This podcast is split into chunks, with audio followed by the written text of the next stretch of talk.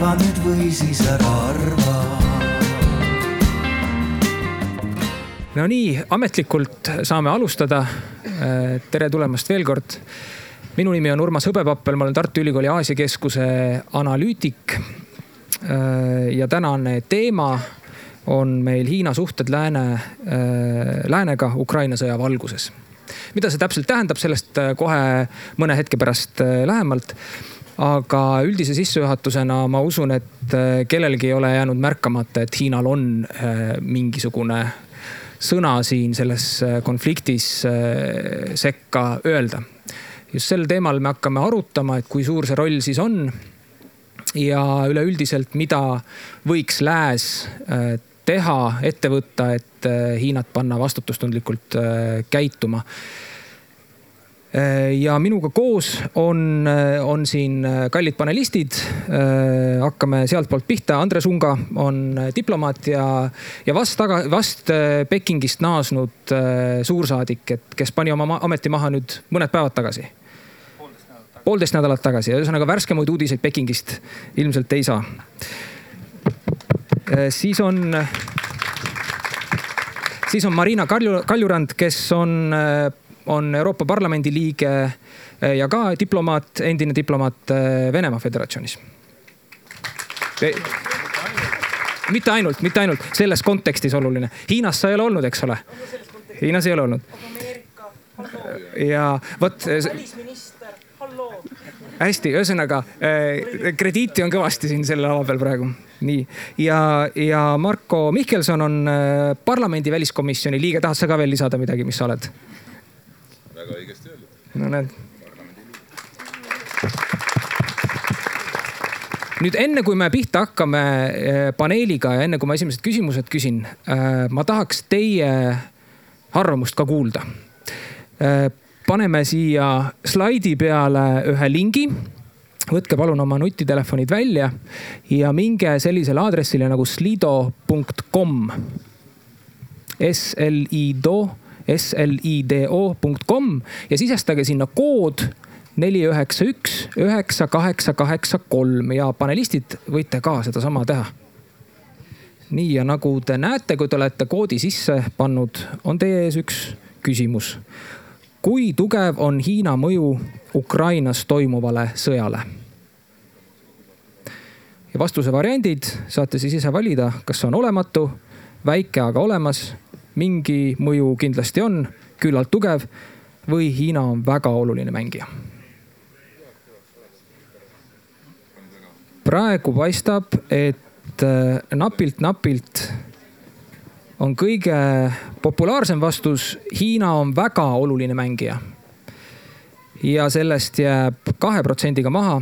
Äh, esimene vastus on kolmkümmend kaheksa protsenti ja kolmkümmend kuus protsenti on küllalt tugev kakskümmend protsenti teist arvab, et mingi mõju kindlasti on. kuus protsenti arvab, et väike, aga olemas ja mitte ühtegi inimest ei arva, et see on olematu. selle küsimuse juurde tuleme paneeli lõpus tagasi. nii et pange tähele ja lõpuks vaatame, et kas teie arvamus on selle küsimuse osas muutunud. nii, aga nüüd siis paneeli juurde meil on äh, kaks sihukest suuremat plokki selles paneelis. Äh, kõigepealt äh, vaatame, kuidas see asi näeb välja idast ja siinjuures ma pean silmas siis nii Hiinat kui Venemaad. ja teine vaatenurk on, kuidas see paistab, kuidas see sõda, konflikt paistab välja läänest. ja püüaks siis aru saada sellest, et mis see Hiina roll siis on ja kuidas Lääs, Euroopa Liit ja eelkõige Eesti saavad selles osas kaasa rääkida ja Hiinat äh, ühte või teistpidi mõjutada. esimene küsimus läheb, Andres, sulle äh,. vahetult enne sõda äh, nentisid Putin ja Xi Jinping, et et äh, nende sõprus, nende kahe riigi vaheline sõprus on piiritu vähem teada fakt on aga see, et, äh, et hiinlased on ise välja öelnud ja Hiina analüütikud, analüütikud siin-seal rõhutanud, et mingisugused põhimõtted siiski on, millest ei taganeta isegi oma kõige lähedasema partneri Venemaa heaks. kas sina oled aru saanud, mis need punased jooned on Hiina jaoks ja mis need põhimõtted, millest nad räägivad? no kui ma nüüd äh, hästi lühidalt peaksin vastama, siis äh, ega ei ole küll. ja ma kardan, et, äh, et ega hiinlased isegi päris täpselt ei tea, millised on need jooned, kust tuleb hakata midagi tagasi põrgatama. ehk see viidatud dokument, see neljanda veebruari presidentide kohtumise järel tehtud äh, ühismemorandum. Äh, see tõepoolest loeb üles absoluutselt kõik eluvaldkonnad, kus neil kahel riigil omavahel kokkupuude on. ja ütleb seda, et see sõprus on, on piiritu. aga me peame arvestama ilmselt sellega, et sõda ei olnud veel alanud kogu see konstruktsioon oli, oli teoreetiline ja, ja ilmselt sõjast räägiti omavahel ähm, ühel või teisel kombel, ega me ju jälle täpselt ei tea. Ähm, kõik see, mis puudutab äh, Venemaa agressiooni, noh teatavasti see ei läinud nii libedalt nagu, nagu Vene pool seda plaanis. ja kui hiinlased ka, ka sellega seoses mingisuguseid äh, oma plaane tegid, siis ei olnud need sugugi erinevad. ehk äh, äh täpselt samamoodi loodeti ilmselt äh, suhteliselt lühikesele konfliktile. Äh, selle kohta on isegi mõned veidi kentsakad märgid, ehk siis, kui sõda algas, siis Hiina saatkond Kiievis andis oma kodanikele soovituse ringi liikudes kanda endaga kaasas väikseid Hiina lipukesi ja kui kuskil mingi häda paistab, et siis tuleb lippu lehvitada ja, ja ju siis häda möödub ehk kui me vaatame seda nagu saatkonna normaalse töö perspektiivist, konsulaarabi perspektiivist, siis see on täitsa sõge soovitus. sellega ei ole mitte midagi peale hakata. juhul, ainult juhul, kui kuskil kõrgemal pool on kokku lepitud, et, et see asi aitab. ja ilmselt selline kokkulepe oli Äh, see, et asjad kuhugi korstnasse lendasid, äh, seda näitab ka suvel toimunud äh, karjäärivahetus, kus üks aseministritest, asevälisministritest, kes Venemaa valdkonda kureeris, sai oma ametist priiks ja, ja nihutati Hiina riikliku raadio ja telekomitee asedirektori kohale või aseministri kohale. ehk asevälisministri kohalt teleraadiokomiteesse. oluline oluline on lisada see, et, et seesama aseminister Li Yusheng ähm, pidi äh,, tema kohta spekuleeriti, et temast võib saada sügisel järgmine välisminister. nii et midagi ilmselt korstnasse läks. kui palju, seda ei oska täpselt öelda, nii et jällegi vastus küsimusele ei tea. no ja e, nii palju ikkagi me võime järeldada, et, et ilmselt see neljanda veebruari ühisavaldus oli Vene-Hiina suhete kõrghetk, eks ole. Nii-öelda vähemalt väljaspoole paistis see nii. ja siis midagi juhtus, läks halvasti äh, ja ilmselt need suhted on nüüd äh, halvenenud. kui palju, seda me ju ei tea, eks ole, Xi Jinping ja Putin, eks kord kohtuvad neli-viis korda aastas. mida nad omavahel arutavad, see on kiivalt varjatud ja, äh, ja see on üpris, üpris hämmastav, kui, kui hästi nad suudavad seda kontrolli all hoida, et millist, mis siis täpselt räägitakse. minu jaoks on huvitav see, et, et äh, et siin Hiina sisepoliitiliselt me teame, et äh, partei hoiab rahva alati sellise, rahva nagu mõistatamas. et täpselt noh, ei ole kirjas seadustes, mida sa tohid teha, mida sa ei tohi teha. aga esimest korda ma nüüd näen või vähemalt minu jaoks esimest korda jõuab kohale, et ka välispoliitiliselt tehakse selliseid asju. et ilmselt äh, Venemaa äh, nii-öelda see, kuidas Hiina praegu Venemaasse suhtub, ei ole ka ilmselt Moskvale päris hästi teada. Ma oletan, aga noh, see on kõik muidugi selline spekulatsioon. Marko, kuidas Moskvast see asi paistab, mis äh, mis, äh, sina ei ole just Moskvast tulnud, ma saan aru, eks ole, ja ei näe ka selle, selle musta kasti sisse. aga mis sa arvad, et kuidas Venemaa poliitiline eliit äh, Hiinasse suhtub ja mis konkreetselt, mis abi Hiinalt loodetakse? Jah, et noh, kui üdini aus olla, siis ma arvan, et äh, siin telgi all on ilmselt vähem, vähe inimesi, kes peale seitsmendat veebruari sellel aastal on Moskvas käinud. Aga, aga kui nüüd sinu küsimusele püüda vastata, siis ma arvan, et äh, Moskvas on väga palju neid mm,, võib-olla isegi Putin, kes äh, tegelikult on päris hirmul tuleviku ees sest et, et ühest küljest on küll tore leida Hiinas sellist seljatagust mm, võitluses impeeriumi taastamise nimel aga kui me vaatame, mis on juhtunud äh, mitte ainult viimase seitsme kuu jooksul, aga ütleme viimase kümnekonna aasta jooksul, siis me võime öelda, et Venemaast on muut-, Venemaast on saanud vasallriik. Äh, täielik klientriik äh, Hiinale ja, ja see sõltuvus kasvab mitte päevade, vaid tundidega negatiivne sõltuvus Venemaal Hiinast, et noh, esimene asi, eks ju, mis on oluline mõista, Hiina ei sõlmi mitte kunagi mitte ühegi riigiga, ükskõik kui suur või väike ta on. ei sõlmi strateegilisi pikaajalisi äh, liitlassuhteid. Et see lihtsalt ei käi kokku äh, selle noh Hiina olemusega läbi kahe tuhande pluss aasta, sõltumata sellest, kes on parasjagu Pekingis võimul äh, teiseks me peame silmas pidama, et Hiina kontekstis see sõda, mis praegu on ju käinud üheksa aastat, ärme ennast lase petta, et sõda algas kakskümmend neli veebruar. sõda Ukrainas algas kahekümnendal veebruaril kaks tuhat neliteist kui Venemaa okupeeris Krimmi ja seejärel annekteeris Krimmi ning alustas sõjategevust äh, Ida-Ukrainas ehk siis sõda on kestnud mitte sada seitsekümmend päeva, aga kolm tuhat üheksakümmend pluss päeva.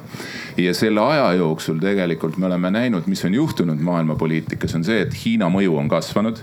Hiina positsioon äh, majandusliku jõuna, tehnoloogilise superjõuna on kasvanud tegelikult. Ja Venemaa, võtame kasvõi paar näidet Venemaa kontekstis, et äh, veel alle, alles enne kahe tuhande neljateistkümnendat aastat oli Venemaa-Hiina kaubavahetus Äh, Venemaa poolt vaadates kümme protsenti oli Hiina osakaal Vene kaubavahetuses. eelmise aasta lõpuks oli see kasvanud kaheksateistkümnele protsendile. selle aasta seitsme kuuga on äh, kaubavahetus kasvanud ligi viiskümmend protsenti. ja analüütikud arvavad, et ei ole kaugel aeg, kui Venemaa või Hiina osakaal Venemaa kaubanduses, väliskaubanduses on viiskümmend protsenti Äh, kui sinna lisada veel sõltuvus tehnoloogilisest äh, ja, ja, ja nii-öelda muust äh, mõjust, mis Hiina poolt Venemaale tuleb. Mm, rääkimata sellega, et Hiina kasutab suurepäraselt ära Venemaad praegu oma käe järgi maailmakorra vormimisel. siis Venemaa peaks olema väga mures. ma meenutan, et üheksakümnendatel, kui ma Moskvas ajakirjanikuna, Postimehe ajakirjanikuna töötasin, siis mul oli üks allikas oli Venemaa kindralstaabis. ja tema oli Hiina spetsialist, mm, üks polkovnik seal ja, ja, ja ta kirjeldas mulle äh, päris äh, avameelselt, noh, aeg oli natuke teine kui tänane päev, eks ju, et äh, nende põhiline strateegiline hirm on seotud Hiinaga ja just pikas vaates, mitte seal üheksakümnendate lõpp, aga pikas vaates, et nad saavad aru et, et Hiina, kes jagab Venemaaga neli tuhat kilomeetrit ühist piiri äh, demograafilise, majandusliku ja muu mõjuvõimu kontekstis äh, saab olema Venemaale palju suurem väljakutse, kui on Lähes. Ja, ja üheksakümnendate lõpus mängiti ka laua äh, nii-öelda õppusi läbi Vene kindralstaabis, kuidas võiks välja näha suur konflikt Venemaaga, aga hetkel sinu küsimuse juurde lõpuks korraks veel tagasi tulles siis ma arvan, et, äh, et äh, see ultimatiivne prioriteet, mis Putinil ja, ja sellel KGB juhtkonnal Venemaal on või tšekistlikul äh, juhtkonnal on impeeriumi loomine. see on, see ületab kõik muud mured praegu ja selles osas nähakse Hiinat selle eesmärgi elluviimisel noh, sisuliselt ainukese toetajana. Marina, Marko nimetas Venemaad Hiina vasallriigiks Need on päris tugevad sõnad ja, ja kui me nüüd sellest äh, järeldame, et, et või õigemini sellest kontaktist üheksakümnendatel, et, et teati juba ette, eks ole, mõnikümmend aastat, et Venemaa kõige suurem strateegiline rivaal on tegelikult Hiina. mis siis nüüd on valesti läinud vahepeal, et miks, miks just läänest on kujunenud see, see, kellega nii-öelda, kelle vastu oma, oma kahurid on, on suunatud? Võib ma kommenteerin enne paari teist asja ka ja ma tulen selle küsimuse juurde. kõigepealt hästi huvitav oli, kui Andres ütles, et kuidas hiinlased jooksid lipukestega mööda Kiievit ja mina käisin Kiievis äh, aprillikuus külastasime Verhovna Radat ja siis ma ei tea, kas nad ütlesid seda naljaga pooleks või tõsiselt, aga nad teadsid täpselt, millal hakkab sõda. Nad teadsid täpselt, millal hakkab pommitamine ja neil oli kokku lepitud, et kui hakkab pommitamine, minnakse metroojaama, mis on Hiina saatkonna lähedal et see on kõige turvalisem koht, kui hakatakse Kiievit pommitama. noh, kas nad niimoodi tegid ka, eks see, eks aga tulles nüüd selle küsimuse juurde, mis on juhtunud Venemaa ja Hiina vahel, noh, mina olen näinud, et Vene ja Andres, palun paranda mind, sest sina tead seda palju paremini ja Marko ka. minu arvates nende lähenemine tegelikult algas juba pärast Krimmi okupeerimist et pärast seda, kui Venemaa tegi otsuse rünnata äh, Ukrainat, okupeerida Krimm, siis Hiina oli vait. Ja Hiina pigem toetas Venemaad. toetas vaikimisi, mitte väga jõuliselt, aga toetas nüüd pärast seda uut lainet, uut sõjalainet, siin ma olen täiesti Andresega nõus, et midagi läks vahepeal nihu ja kui ka vaadata Hiina hääletamist ÜRO-s, ei olnud Hiina kõvahäälne Venemaa toetaja. Hiina jällegi oli pigem vait minu arvates hakkab nüüd see pilt jälle muutuma ja Hiina toetus hakkab Venemaale palju rohkem külge tulema, järgi tulema. ja hakkab tulema jällegi noh, nii palju, kui ma teiste tarkade ekspertide äh, ekspertiisidest loen äh,, tuleb väga paljus ka seetõttu, et Hiina president on nüüd juba mures ta on mures sõjakäigu üle, ta on mures selle üle, et kui kukutatakse Putin, saab see olema võib-olla märgiks, signaaliks, et võidakse kukutada ka teda tema kolmas ametisse nimetamine või valimine või kuidas iganes seda protseduuri nimetatakse, peaks tulema vist sügisel ta on sellepärast mures, et teda ei nähtaks nõrgana, ta peab seisma Putini teise tugeva alfaisase kõrval. Nemad kahekesi on need ainukesed maailma alfaisased, kes veel jäänud on ta, ta mures sellepärast, et võib-olla ollakse tema suhtes kriitilised, kuidas ta menetles Covidit. ja kõik need asjad kokku on minu arvates toonud neid täna veel palju lähemale kas Venemaa ja Hiina on selles suhtes võrdsed? ei kui üheksakümnendatel võis veel arvata, et nad on partnerid, no ma ei tea, kas vasall või, või noh, igatahes praegu on Venemaa raudselt kas noorem õde või vend või see noorem, noorem partner, igatahes mitte täieõiguslik partner sest Venemaa on kaotanud lääne toetuse. Venemaa on kaotanud oma suurimad kaubanduspartnerid, ta peab seda kuskilt tagasi saama ja sellepärast nad vaatavadki Hiina poole, India poole, Jaapani poole ja kui vaadata kasvõi seda kolmikut, selge see, et sellest kolmikust tuleb neile kõige rohkem vastu ja toetab neid kõige rohkem Hiina erinevatel põhjustel. nii et jah, ma arvan, et äh, Venemaa huvides on praegu tugev liit Hiinaga. sellesse liitu Venemaa ei lähe võrdse partnerina, ta läheb küsijana, ta läheb palujana. kindlasti on Venemaa pettunud et Hiina välispoliitiline reaktsioon on siiamaani olnud noh, ütleme niimoodi sõnades räägitakse, aga tegudes mitte nii väga ei toetata Venemaad. see on pettumus ja mida kehvemaks peaks minema Venemaa olukord Ukrainas, seda rohkem hakatakse nõudma, küsima ja paluma Hiina toetust kui tohib, et siin üks element veel, mul tuli üks asi meelde, et kui sa küsisid ähm, Andrese käest, et mis võis olla Ukra hiinlaste punane äh, Äh, lipp või joon siis äh, sõja äh, selle faasi eel, siis ma olen päris kindel, et, et miks just see sõda algas tema uues faasis kahekümne mm, neljandal veebruaril, aga ja, ja mitte varem, siis ma arvan, et seal lepiti selgelt kokku, et see ei toimu Pekingi olümpiamängude ajal. Äh, nii nagu see kahe tuhande kaheksandal aastal Gruusia vastu äh, sündis. et see oli kindlasti üks selge äh, tahe ja soov. aga nüüd tulles tagasi selle juurde, mida, millega Marina just lõpetas, et, et, et kuidas Xi Jinping võib praegu seda olukorda näha, siis ta on väga suure dilemma ees mõnes mõttes, et me oleme ju näinud, et ühest küljest äh, on jah, Hiina olnud seisnud kogu aeg pigem Venemaale lähemal, nüüd veel rohkem loomulikult kui äh, ütleme siis muule maailmale aga ta ei ole tunnustanud äh, ei Abhaasiat, ei Lõuna-Osseetiat, ei Krimmi, eks ju, annekteerituna Venemaa külge äh,. samas on, me ei ole kordagi veel seda äh, nime kasutanud või, või kohanime Taiwan on, äh, on üks kõige-kõige kriitilisemaid äh, dilemmasid. Äh, siis Hiina praeguse juhtkonna jaoks nii lähitulevikus kui ütleme siin kuni sajandi keskpaigani välja, et noh, tuleb meeles pidada, eks ju, et Xi Jinping on seadnud selgeks eesmärgiks sajandi keskpaigaks, Hiina peab olema absoluutne supervõim maailmas. samaks ajaks peab olema Taiwan taas ühendatud nende äh, terminoloogia alusel äh, Hiina emamaaga. tänasel päeval me võime olla peaaegu kindlad, et rahumeelset äh, taasühinemist, nii nagu seda on ju pikalt loodetud ütleks niiviisi, seda on väga raske täna ette kujutada. eriti pärast Hongkongi, eks ole. taiwanlased teavad väga hästi, mis seal. eriti pärast Hongkongi ja nüüd on küsimus, et ühest küljest justkui nagu ei saa äh, siis Xi Jinping ja Hiina toetada uude, justkui rahvusvahelises kontekstis äh, piiride nihutamist ja, ja uue reaalsuse tekitamist. teisest küljest on tal oht, et kui Venemaa peaks kaotama ja selle nimel me ju kõik iga tund töötame, et Venemaa kaotaks selle sõja strateegiliselt. ja et see tšekistlik režiim äh, lõpuks ometi kaoks äh, sealt Venemaalt. kui Venemaa kaotab, siis on loomulikult Hiinal väga keeruline minna Taiwan'i kallale. ja, ja vot siin on äh, kindlasti üks selline suur rahvusvaheline pingete allikas no,. ja, ja, ja, ja muidugi see oli veel üks, tuli meelde hetkel neljandal veebruaril, kui see äh, tehti seda pikalt äh, valmistati ette seda ühisdeklaratsiooni, siis Hiina tegelikult tahtis Venemaalt saada sinna sisse palju tugevamat toetust Taiwan'i üle.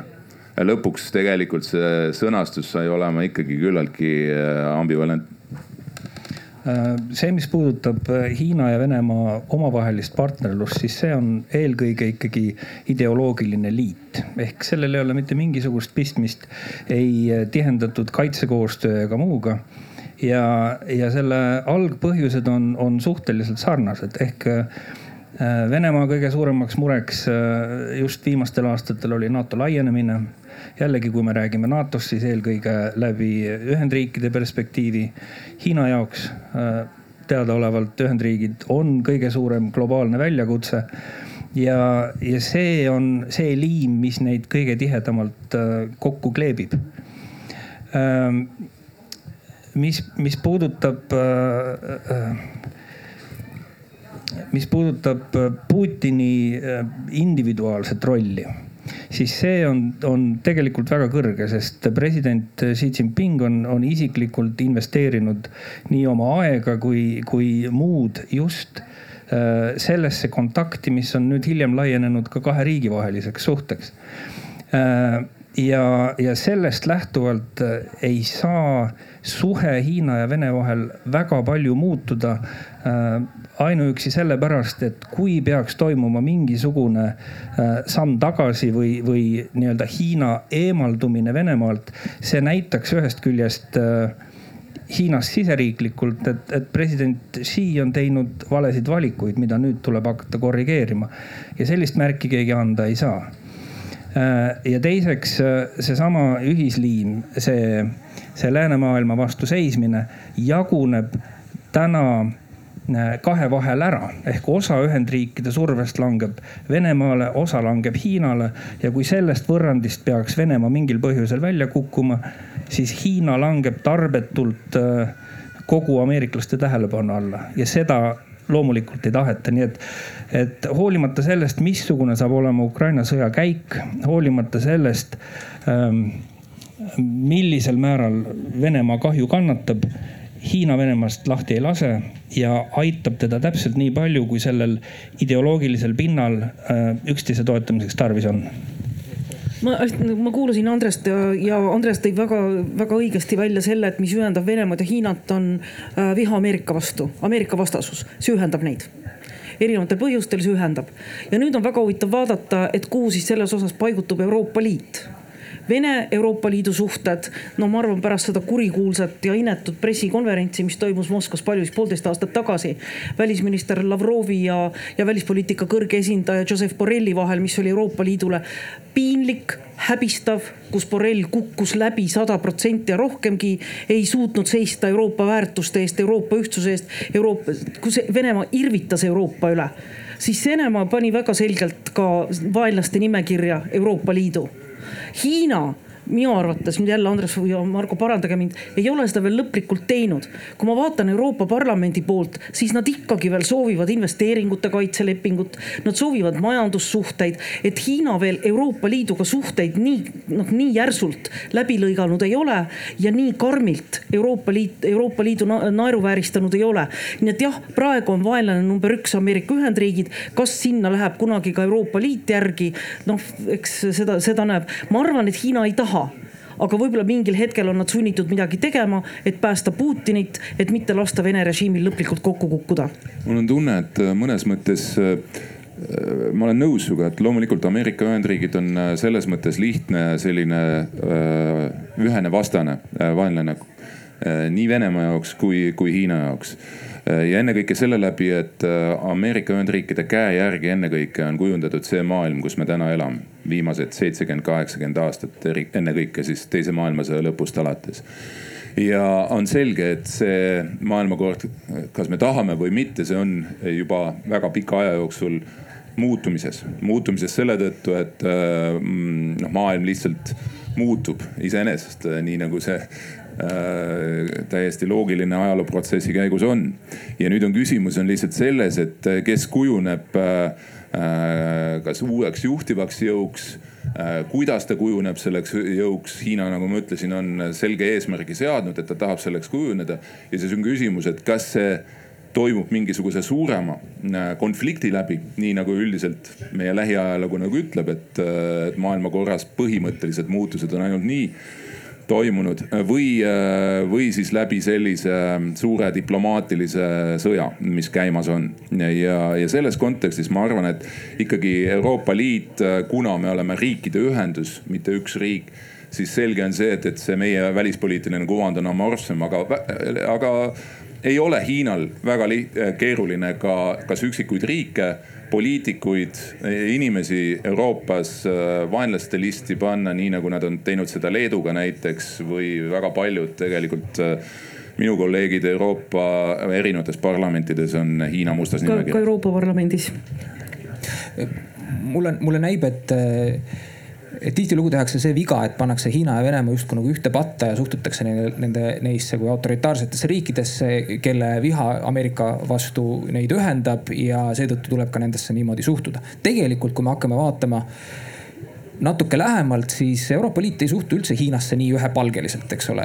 kaks tuhat üheksateist võeti vastu dokument, kus on meil kirjas eh, põhimõtteliselt Hiina kolmetine roll on ju, et kõigepealt ta on võib-olla kõige tähtsam on strateegiline rivaal, siis on majandus eh, nii-öelda konkurent ja, ja kolmas on sealjuures, kolmas on koostööpartner, eks ole, ilma kelleta me ei saa lahendada suuri globaalseid probleeme kliima soojenemisest kuni, kuni eh, noh, nende epideemiliste probleemidel siin välja aga selle juurde ma tahan hiljem tagasi tulla, ma arvan, et, et äh, ühesõnaga see on samasugune lähenemine tegelikult mulle tundub, on ka äh, Hiina kommunistliku partei sees. Xi Jinping on küll väga oluline liider aga ta ei valitse ikkagi ainuisikuliselt, vähemalt mitte nii nagu Putin. Ja see on põhiline erinevus tegelikult Moskva ja Pekingi vahel, et, et äh, partei on endiselt oluline ja partei sees on palju erinevaid hääli. Moskvas neid erinevaid hääli kuulda ei ole ja see teeb ilmselt Pekingi suhtumisega Euroopa Liitu natuke tasakaalukamaks. et ei, ei noh, ei olla, ei olda selline mängur, mängurlik käitumine, nagu on Putini poolt, eks ole, et kõik mängu ja vaatame, mis saab. Äh, Peking suhtub ikkagi vaikselt äh, nii-öelda tasakaalukalt, äh, samm-sammult ja seetõttu tehakse ka selliseid nii-öelda ambivalentseid otsuseid, millest, millest on väga raske aru saada. Putin on nagu selge, eks ole äh, kahurid mängu ja, ja asi on. et, et mina oleks ettevaatlik jah, nende kahe riigi sellise, nad on küll, nad on küll strateegilised rivaalid mõlemad aga nad ei ole tingimata täpselt ühesugused ja sarnased äh, autoritaarsed riigid.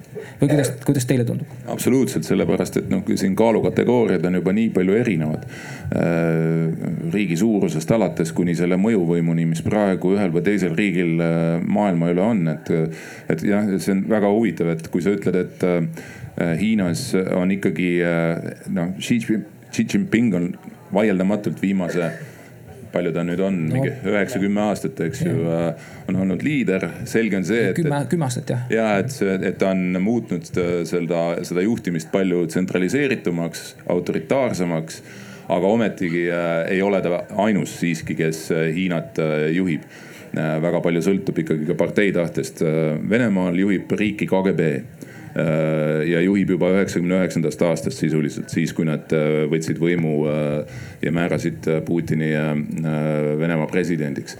ja, ja see süsteem, KGB või tšekistlik süsteem on hoopis teine kui mingi parteisüsteem, eks ju, aru saad e,. aga ma vaatasin eile liikus sotsiaalmeedias väga huvitav äh, infograafik, kus oli äh, siis toodud välja kaks erinevat aastat äh, võrdluses aasta kaks tuhat kakskümmend ja aasta kaks tuhat kaks, kaks tuhat, kaks tuhat ja kaks tuhat kakskümmend, kakskümmend aastat ja globaalne pilt ja olid siis kaks värvi, sinine ja oranž ja kahe tuhande, äh, sinine kujutas siis ähm, neid riike, äh, kelle kaubavahetuses USA oli Hiinast eespool ja äh, oranž siis need riigid, kes olid, kus Hiina oli kaubavahetuses USA-st eespool. Aasta kaks tuhat täiesti sinine pilt, peaaegu nagu mõned üksikud oranžid laigud kusagil. kahe tuhandendal, tuletame meelde, Hiina liitus. kaks tuhat üks liitus Maailma Kaubandusorganisatsiooniga, olgugi et ta mängureegleid ju kunagi ei ole austanud. kaks tuhat kakskümmend sisuliselt kõik on oranž, kogu Aafrika on oranž, kogu Ladina-Ameerika, Lõuna-Ameerika on oranž. pool Euroopat on oranž, ainult siin Skandinaavias on Eesti, äh, Soome ja vist ka Läti-Leedu, kellel on USA-ga suurem kaubavahetus kui, äh, kui Hiinaga ja kogu Aasia loomulikult on oranž. ja see no tegelikult ju näitab ära selle, et kui me täna oleme selles olukorras, mis võib juhtuda veel kümne või kahekümne aasta pärast ja sealt tulevad need mõjurid, noh, me ei pane ju Venemaad sellesse konteksti, et kui Venemaa enda kaubavahetus on Hiinaga sõltuvuses viiskümmend protsenti varsti siis äh, selgelt, et äh, täiesti erineva kaalukategooriaga. ma siiski tahtsin natuke täpsustada, sa ütlesid, kaks tuhat üheksateist vaadati üle partnerlussuhted Hiinaga. mina vaatasin ja osalesin sellel arutelul, mis oli Euroopa Parlamendis kahekümne esimese aasta sügisel, kui vaadati üle Euroopa Liidu Hiina poliitikat. ja tegelikult äh, selle Euroopa Liidu Hiina poliitika ülevaatamisel minu jaoks asetus Hiina, Euroopa Liidu välispoliitika Hiinaga samale pulgale, nagu on Euroopa Liidu välispoliitika Venemaaga Venemaaga lepiti ta kokku aastal kaks tuhat viisteist ja põhimõtteliselt printsiibid on sellised, et Venemaaga suheldakse nendel teemadel, mis on vastastikku kasulikud. noh, jätame praegu selle sõja kõrvale, aga põhimõtteliselt need printsiibid, mis kokku lepiti. teemadel, mis on vastastikku kasulikud, kliima, terrorism, võib-olla kuritegevus. alati tõstatatakse inimõigusi ja teravaid küsimusi. toetatakse tsiviilühiskonda oh ja mis veel oli vist oli kodanike vahel, kodanike vahetus, midagi sellist.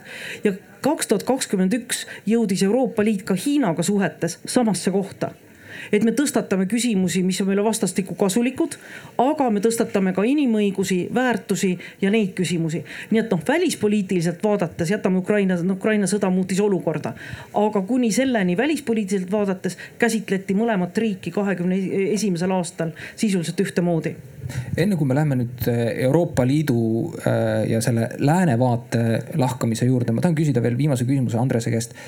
Äh, me oleme palju rääkinud sellest, et Venemaa ja Hiina kuuluvad nagu kokku, eks ole, nad, nad on Ameerika vastu ja nii edasi ja nii edasi aga me teame ühtlasi ka, et Hiina ja Venemaa suhted, kui me jätame selle kaubandusbalansi eh, kõrvale, siis tegelikult ka ajalooliselt ei ole need suhted, ütleme, okasteta. Ja kas võib olla, et me oleme natuke liiga palju eh, rääkinud sellest, et et kuidas üldse Venemaa Hiina abi ära kasutab ja kuidas nad tandemis liiguvad. et ehk on hoopis äh, olukord selline, et, et Peking ootab äh, oma kaarte avamata, et Venemaa selle sõja tõttu nõrgeneks. ja vaatamata sellele, et tegemist on diplomaatiliselt väga olulise riigiga äh, Pekingile lihtsalt mingil hetkel esitab sellised nõudmised Moskvale, millest ei saa keelduda. kas see on üldse kaartides või on see natuke liiga kauge perspektiiv tulevikus? ei, see ei ole sugugi kauge perspektiivi, ma arvan, et, et väga paljud äh, Hiina juhtkonna liikmed just nimelt nii mõtlevadki ehk äh, mida, mida hiinlaste puhul tuleb kogu aeg silmas pidada, on, on see, see käitumine sõnade ja tegude järgi. ma ei tea, kumb see ettepoole lõpuks tuleb, aga, aga hiinlaste puhul Äh, sõnu on väga palju ja nendes väljendatakse absoluutselt igasugust toetust. aga sellest ei maksa enne midagi välja lugeda, kui teod on järgnenud ja väga sageli tegusid lihtsalt ei järgne ja jällegi äh, hiinlased ei lähe selles suhtes praegu kaugemale kui, kui see hädapärane miinimum, et, et hoida seda partnerlussuhet nii, nagu ta täna on, mitte lasta venelasi ära libiseda, aga mitte mingil juhul aidata kaasa nende, nende ülestõstmisele või, või, või edasilükkamisele ja ma arvan, et äh, praegu juba äh, Hiina kasutab kõike seda, mis äh, Venemaa nii-öelda mitte nõrgenemine otse, otseselt, aga, aga siis reaalne olukord, kus kohas tuleb leida oma kaupadele, ennekõike toormele uusi turgusid. et need, neid lepinguid, mis Venemaaga praegu tehakse Venemaale väga alandaval moel, kasutatakse ära ka näiteks muudes suundades Katariga, mitmete teiste äh, nii-öelda äh, naftat, gaasi eksportivate riikidega siis lepingute mõjutamisel. aga mul tuli meelde üks mõned kuud tagasi, mul oli oli üks kohtumine Hiina mm, ühe juhtiva diplomaadiga, kes käis ka Eestis rääkimas sellest, kui tore on ikkagi kuusteist pluss üks formaat ja, ja kuidas me Hiinaga peaksime seda formaati edendama ja arendama mina viisin küll noh, enamiku jutust selle peale, et kuidas ikkagi Hiina äh, näeb sõda Ukrainas, siis ta korduvalt, isegi kaks korda rõhutas, et me ei ole mingisugused liitlased Venemaale, me ei, no ühesõnaga Venemaa on kuskil, teeb oma asju ja nii edasi. aga noh, selge on see, et, et samas, kui sa kuulad jälle Hiina suursaadikut Moskvas, kes vist paar päeva tagasi teatas, et et Venemaa tegevus Ukrainas ennustab meie võitu Taiwan'i üle. nii et äh, eks, äh, eks need jooned on korra, kord ristuvad, kord paralleelsed, aga, aga Hiina puhul tulebki silmas pidada, et neil on olemas pikk eesmärk ja selle pika eesmärgi nimel on nad võim-, valmis väga-väga palju aega võtma, et sinna jõuda, mitte see ei ole nende jaoks ei ole tähtis nüüd Xi Jinpingile, et no novembriks oleks midagi tehtud ma lihtsalt tahtsin tuua veel ühe näite oma isiklikust kogemusest, kui ma olin ÜRO-s äh, digiekspertide töögrupis, mis on äh, julgeolekunõukogu äh, esimeses komitees ehk rahu ja julgeoleku komitees.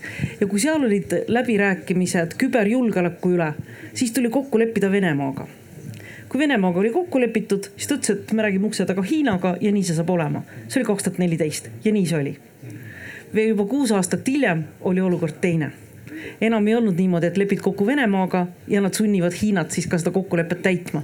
vaid siis oli Hiina täieõiguslikult laua taga, vaidles vastu ja pidi Hiinaga kokku leppima ja pigem Venemaa andis järgi. nii et noh, huvitav oli vaadata ka seda dünaamikat, mis vahepeal oli juhtunud nende kahe riigi omavahelistes suhetes. nii, nüüd on äh, väike sihuke sissejuhatus on tehtud äh, ja aeg. minu, minu teadmised said ka üksiti otsa sellega ei, seda, seda ma nüüd ei usu. Äh, aeg on äh, esitada ka keerulisi küsimusi. Äh, mulle pahatihti näib, et me, kui me räägime Venemaast, mitte, ma ei pea siin silmas, eks ole, kõiki, kes räägivad, aga, aga meedias, avalikkuses võetakse sõna ja räägitakse Venemaast äh, selle sõja kontekstis kui irratsionaalsest äh, tegijast. ja seda, et Hiina toetab Venemaa agressiooni või vähemalt vaikivalt toetab, seda peetakse küüniliseks noh, hea näide sellest oli kohe sõja alguses, kui, või selles, vabandust, nüüd selle uue faasi alguses. Äh, kui seda sõda nimetati Putini sõjaks ja Putini kohta öeldi, et ta on hullumeelne, no lihtsalt peast segi, eks ole, et siin ei ole mõtet mingisugust ratsionaalsust oodata. minu jaoks on selline suhtumine noh, kui mitte ohtlik, siis vähemalt äh, hägustab seda tegelikku pilti. et, et kui me ütleme ühe riigi kohta, et see on irratsionaalne riik või see juhtkond on irra, irratsionaalne või ütleme Hiina kohta, et nad on küünilised, eks ole, siis tegelikult me teeme sellest riigist musta kasti, mille sisse ei ole võimalik näha. nüüd kas teile tundub ka see probleem ja mis tasandil see probleem teie jaoks kõige teravam on? ma mõtlen siis kas mingisugust poliitilist tasandit, avalikkust, Euroopa Liidu tasandit, kus iganes, kus te näete seda probleemi, kui see on teie jaoks probleem? ja see on väga-väga äh, hea osundus. loomulikult Venemaa ei ole irratsionaalne, ta on väga ratsionaalne, kaasa arvatud ka praegune KGB-istlik juhtkond sest neil on väga selged eesmärgid, äh, mille nimel nad äh, aastaid, võib-olla aastakümneid töötavad ja see tundub meile või noh, nii-öelda vaba ühiskonna liikmetele irratsionaalne, et äh, sa lähed selliselt lõhkuma, no kasvõi näiteks ukrainlaste, venelaste omavahelist äh, seost sellise vägivallaga. Äh, et kuidas siis edasi, aga, aga noh, vaatame minevikku, et kahjuks väga palju see impeerium on koos püsinud suure vere hinnaga ja, ja kõik muu on olnud absoluutselt teisejärguline, et see toimib ka täna ja, ja ma arvan, et suurim probleem äh, on olnud äh, läbivalt äh, väga pika aja jooksul, võib-olla, võib-olla noh sajandite jooksul ajaloolasena võiks seda, seda öelda ja Venemaad päris hästi tundvana, et, et Venemaad ei ole mõistetud äh,. ei ole tahetud mõista, et ta on kusagil noh, mingisugune kauge-kauge riik, eks ju, nagu Chamberlainil oli isegi Tšehhi oli väga kauge riik kusagil. Äh, veel enam Venemaa ja samamoodi kui me täna näeme, et on täiesti avastatakse, et on olemas selline rahvus nagu ukrainlased, on olemas selline riik nagu Ukraina, et äh, Valgevenest kahjuks ei ole nüüd pika aja jooksul väga palju räägitud, et ka valgevenelased on olemas. et ei ole mingisugune üks Venemaa, üks Vene impeerium, eks ju. et ka sakslastel käib see ostpolitiiki krahhi järgselt äh, täiesti uus arusaamine, et mis seal idas ikkagi asub lõpuks. ja, ja see ongi viinud selleni, et meil on olnud selline ülimalt nõrk arusaamine Venemaast ja ka sellest, mida siis peab tegema, et meie enda huvisid, julgeolekut kaitsta ja no see, mille peale Marina vihjas, no see oli ülimalt madal kokkulepe, eh, kuidas Venemaa suhtes käituda alates kahe tuhande viieteistkümnendast aastast aga no, kuida, nii, kuida, nii, nii ma... madal ta nüüd ka ei olnud, see oli ülemkogul otsustatud ei, ja riigijuhtide poolt heaks kiidetud. seda küll, aga no mõtleme täna, eks ju, me oleme situatsioonis, kus me sisuliselt peaksime kuulutama Venemaad terrorismi toetavaks riigiks. Venemaa on toetanud terrorismi ja kasutanud terrorit alates tuhande üheksasaja seitsmeteistkümnendast aastast, kui Tšeka loodi järjepidevalt nii oma siseriiklikus tegevuses repressioonide kaudu mida ta viib ka täna ellu, äh, sest tänane Putini Venemaa ei ole midagi muud kui stalinistlik Venemaa ja veel hullemgi mõnes mõttes. ja, ja teisest küljest, kui palju on kasutatud rahvusvahelist terrorismi, tegelik rahvusvahelise terrorismi üks alusepanijaid oli seitsmekümnendate aastate alguses peale kuuepäevast sõda KGB, kui ta nägi, kuidas Ameerikat mõjutada läbi islami äh, sellise fundamentaalse liini toetamise see siin võib, võiks pikalt sellest rääkida, väga huvitavad seosed Zawahiri tapmise ja sellega, kuidas Zawahiri üheksakümne seitsmendal aastal oli kuus kuud Dagestanis FSB väljaõppelaagris ja nii edasi, nii edasi. ühesõnaga tegelikult ju, Marina, sa võid ju kinnitada, Andres samamoodi aastaid oli raske meie Euroopa kolleegidele öelda, et kuulge sõbrad, me peame rääkima asjadest nii nagu on. aga kardeti, sellepärast et kui me oleks kangemalt midagi öelnud või midagi kokku leppinud, kardeti, et me provotseerime Venemaad ja sellega võib asi väga halvasti lõppeda. no me teame, millega see on kõik lõppenud ma olen nõus sellega, et meie jaoks Venemaa on ja jääb müstiliseks Venemaaks. ja ma arvan, väga palju on see seetõttu, et me ei tea palju otsustusprotsessidest kas otsuseid teeb Putin ainuki, ainuisikuliselt või me võime ennustada, kes on see lähim ring tema ümber, kas seal on kolm inimest, viis inimest, seitse inimest.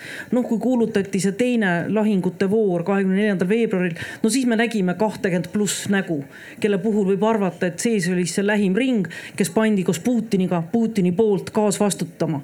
aga tegelikult me ei tea seda otsustusprotsessi Kreml oli suletud must kast alati ja me ei teadnud. ma mäletan, kui ma olin saadik Moskvas ja vahetus valitsus, siis noh, alati saadikud kirjutavad ennustusi ja püüavad suhelda juba tulevaste ministritega, tulevaste peaministritega. meie Euroopa Liidu saadikute ringis me ei osanud isegi ennustada, kes võiks olla tulevane peaminister. no nüüd on mul see senior moment, mul ei tule see nimi meelde. jah, ja mitte keegi ei osanud pakkuda seda nime oleks see normaalne riik, meid kui saadikuid oleks pidanud päevapealt tagasi kutsuma. et kui sa ei suuda ennustada ja pakkuda kolme nime, kes saab järgmiseks peaministriks, siis järelikult sa teed tööd ikka väga halvasti aga Venemaa puhul see otsustus ja sealt ei leki välja. võib-olla mõned Venemaa parimad sõbrad Euroopa Liidus kuulevad midagi, aga kindlasti see ei leki välja nii. täna me ju arutame kõik, mis toimub Itaalia valimistel. me oleme kõik eksperdid, on ju. me teame nimesid, me teame, kes kellega räägib, kes kellega suhtleb. Venemaa puhul neid spekulatsioone on palju, aga tegelikult teadmist on palju-palju vähem. ja ma ütleksin ikka selle viie printsiibi kohta. miks need Venemaaga suhtlemise printsiibid vastu võeti, kui te mäletate aasta kaks tuhat viisteist, kaks tuhat kuusteist, see oli aeg, kui kõik Euroopa liidrid muudkui tahtsid Kremlisse minna kohtuma. Üksteise järel ja Eesti püüdis pidurdada, et noh, kui me ei saa takistada kahepoolseid visiite, et ärge vähemalt Euroopa Liitu, liidu esindajad kõrgel tasemel, minge sinna Kremlisse ukse taha ootama. nii et noh, see viis printsiipi oli, oli minu arvates super tulemus, mis me suutsime kokku leppida välisministritena, nii et kõik olid noh, natukene kaitstud ja, ja, ja olid sellega nõus. issand, siis mul oli kolmas mõte, no pagan, vaatasin ja mul läks see meelest ära aga kui tuleb tagasi, siis ma sekkun korra. ja Andres, sa tahtsid vahepeal midagi öelda, tahad sa jätkata oma mõtet? oi jumal, ma ei mäleta, mis ma tahtsin vahepeal öelda. ma küsin su, ma küsin su käest. on ma küsin su käest uue küsimuse ähm,. Või... Äh, ei, ma, ma tegelikult kuulasin Marinat ja mõtlesin, et äh, tänu jumalale ma tulin nüüd augusti alguses Pekingist ära, sest äh, meil on, meil on või Hiinas on, on sügisel samamoodi uue juhtkonna valimine ja mul pole õrna aimugi, kes, kellest võiks mis ja kus saada äh, aga küll nii palju, et ähm, äh, jah, Hiina ja Venemaa on selles osas ikkagi üsna sarnased, et seda läbipaistmatust on, on väga palju. Ähm, äh, Hiina selles osas, äh, ma arvan, isegi süveneb ehk asjad lähevad keerulisemaks. et ma ei taha mingil juhul olla siin oraakli moodi, aga mulle tundub, et kui me siin sellel sügisel räägime Xi Jinpingi kolmandast ametiajast, siis me räägime aastate pärast ka tema neljandast ja ka viiendast ametiajast. et ma arvan, et need asjad lähevad pigem nagu, nagu selles suunas mul tuli meelde see väike killuke, kui ma tohin, lihtsalt näitena. praegu Kaja Kallas annab intervjuusid, esindab super hästi Eesti seisukohti, Euroopa Liidu seisukohti, NATO seisukohti. tegelikult ei ütle ta mitte midagi sellist, mida meie diplomaadid ei ole kolmkümmend aastat rääkinud. lihtsalt meie diplomaate kolmkümmend aastat ei kuulatud, sest õhkkond ei olnud selle, õhkkond ei olnud selleks valmis ja ma mäletan väga hästi, kui ma kohtusin kahepoolselt tolleaegse Saksa välisministri Frank-Walter Steinmeieriga kahe tuhande kuueteistkümnendal aastal. Ja me sõime temaga lõunat kahekesi. Ta tahtis lihtsalt rääkida, et no räägi, kuidas seal Moskvas ikka oli ja mis ikka toimub ja mis seal ikka Venemaal toimub ja mida sina asjast arvad. ja me rääkisime väga avameelselt. ja päev enne seda oli juhtunud Liisa juhtum, Liisa case, mäletate, ei mäleta, oli üks vene tüdruk, kes tuli õhtul koju ja ütles, et äh, teda vägistati Vene Berliinis. selle peale kahekümne nelja tunni pärast oli Vene välisministeeriumil juba avaldus tehtud, kuidas Saksamaa ei suuda kaitsta Saksamaal elavate Vene kodanike õigusi. neljakümne seitsmekümne kahe tunni pärast oli juba, ma ei tea, no läks ja Steinvater, Steinmeier vaatab mulle otsa, ütleb, et Marina, miks nad meiega nii käituvad see, et nad teiega on niimoodi käitunud, me teame. aga see oli valeuudis. jah, no pärast selgus, et see on valeuudis. tüdruk tuli koju, ütles, et ta, lihtsalt ei julgenud emale öelda, et ta jäi hiljaks. see kõik oli valeuudis. aga see lumepall oli üles keeratud ja sakslane siiralt imestab, et see, et teiega niimoodi käituti, loomulik aga meiega, miks, meie ometigi oleme alati neisse väga mõistvalt suhtunud, püüdnud neid toetada, püüdnud nende eest kõneleda ja nüüd lajatatakse meile samamoodi nagu teile. nii et kaks tuhat kuusteist oli mingi selginemine, aga sinnamaani peaga vastu seina.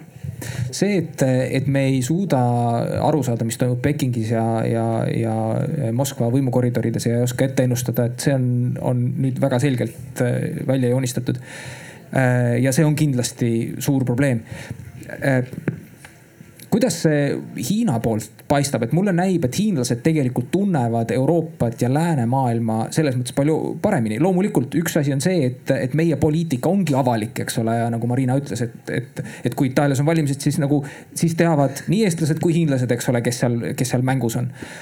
aga aga hiinlased oskavad ka, paljud oskavad ka inglise keelt ja nad on läänes õppinud, eks ole, ja nad tunnetavad seda, seda lääne keskkonda paremini. meile on endiselt Hiina ikkagi selline müstiline, orientalistlik, äh, kauge kants, eks ole, oma punaste laternate ja mille iganes, eks ole. et äh, see ebabalanss on, on, on, on justkui nagu kujunemas tõeliseks ohuks kas sa näed seda samamoodi, et, et hiinlased ikkagi tunnevad ja ma mõtlen ka kõrgemal siis nagu diplomaatilises äh, ringkonnas tunnevad tegelikult Euroopat väga hästi? ma ei usu seda ja, ja see on ausalt öeldes äh, isegi üllatav, sest äh, arvestades kogu nende masinavärki, arvestades seda inimeste hulka, kes on, on erinevate küsimuste uurimisse rakendatud, võiks arvata, et, et nad on väga hästi kursis kõigega, mis igal pool toimub kuidas see info jagamine täpselt toimub, see on must kast. ja, ja eriti viimasel aastal tekkis järjest rohkem ja rohkem kõhklusi selle suhtes, et et selle musta kasti sees toimub adekvaatne infovahetus. ehk äh, äh, väga paljudest pealinnadest tulid signaalid, et, et Hiina saatkonnad seal raporteerivad koju täpselt seda, mida kodus kuulda tahetakse ehk äh, seesama visiit, mida, millele Marko viitas, Madame Huo visiit siia Eestisse, see tegelikult oli, oli osa ühest laiemast Äh, visiitide lainest oli madam Huo Yusheng, kes tuli siia, oli madam äh, Ma Keqing, kes käis äh, Põhjamaades ja siis oli, oli Hiina valitsuse eriesindaja Wu Hongbo, kes käis rohkem Lääne-Euroopas. ja kõigi nende eesmärk oli kõnelda kohapeal inimestega sageli ilma saatkonna osaluseta ja saada aru, kuidas kuidas äh, riikides mõeldakse äh, et selle pinnal kujundada või hakata kujundama mingisuguseid uusi, uusi arenguid. me tegelikult ei ole üldse rääkinud veel äh, Hiinast Ukraina sõja valguses, sest see on jäänud kuidagi, kuidagi tahaplaanile. aga, aga sellel, sellel on oma väga tihe seos ehk ehk jällegi, kui ma nüüd võin võtta selle aspekti, mis puudutab äh, puhtalt Ukraina sõda ja, ja Hiinat, siis ähm, kahjuks ei ole see hiinlaste jaoks prioriteetne teema. Ehk jällegi, kui me vaatame neid äh, küsimusi, millega hiinlased täna silmitsi seisavad, siis veel poolteist nädalat tagasi ma oleks öelnud, et Covid, äh, õigemini Covidiga tegelemine on kõige olulisem teema. Ja ausalt öeldes me võiks korraldada siin ühe samasuguse pooleteisttunnise seminari sellest, kuidas äh, Covid Hiinas elab või hiinlased Covidiga elavad.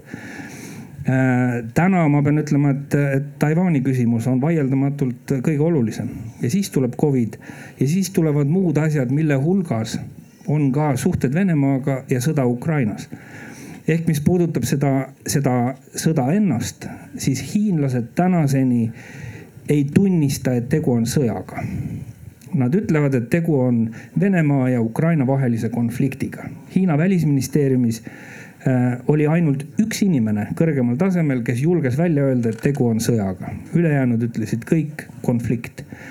kusjuures see on konflikt, mis toimub Euroopas, see ei ole Hiina asi ja selle lahendamine on Euroopa kätes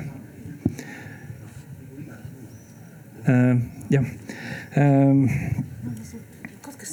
nüüd mul, nüüd mul hüppas mõttelõng hoopis kuhugi mujale, kõik käed tõusid. las Marko ütleb vahele ja siis, kui sul mõte jätkub, siis ole hea. ütle Marko vahele.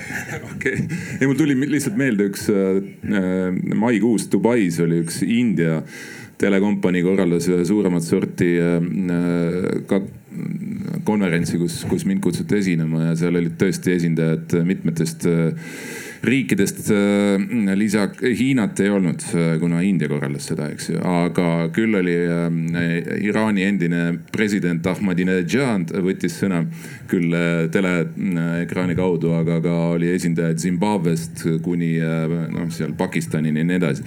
ja tegelikult me peame endale aru andma, et ma selles mõttes nagu ühtin selle mõttega, mis sa ütled, Andres, et, et mitte ainult Hiinas ei ole Ukraina sõda kusagil seal esiplaanil, vaid väga paljudes maailma riikides ei ole see eh, mitte ainult esiplaanil, vaid ei ole ka mõistetav selliselt, nagu meie seda mõistame ka India, keda ju peetakse maailma suurimaks demokraatiaks, täiesti, täiesti selgelt ütleb, et tegemist on konfliktiga, ei ole mingit sõda, eks ju.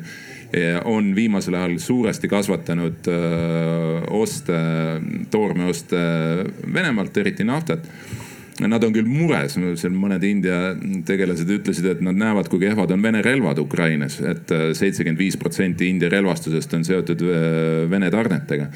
et äh, võib-olla peab ümber mõtlema, aga, aga siis tuleb mängu ajalugu ja siis Zimbabwe tegelane ütleb, et kuule, et ähm, äh, loomulikult me toetame Venemaad selles konfliktis, sellepärast et Euroopa Liit on ju meile sanktsioonid rakendanud ja noh, ärme sellest koloniaalajast üldse räägi, eks ju, nii et, et tegelikult see pilt on väga kirju ja siin ei ole ainult, ei eristu Hiina kuidagi mingi erilise näitena aga puhtalt sõja põhjustest rääkides äh, ütlevad hiinlased, et, et need põhjused on, on ajaloolised.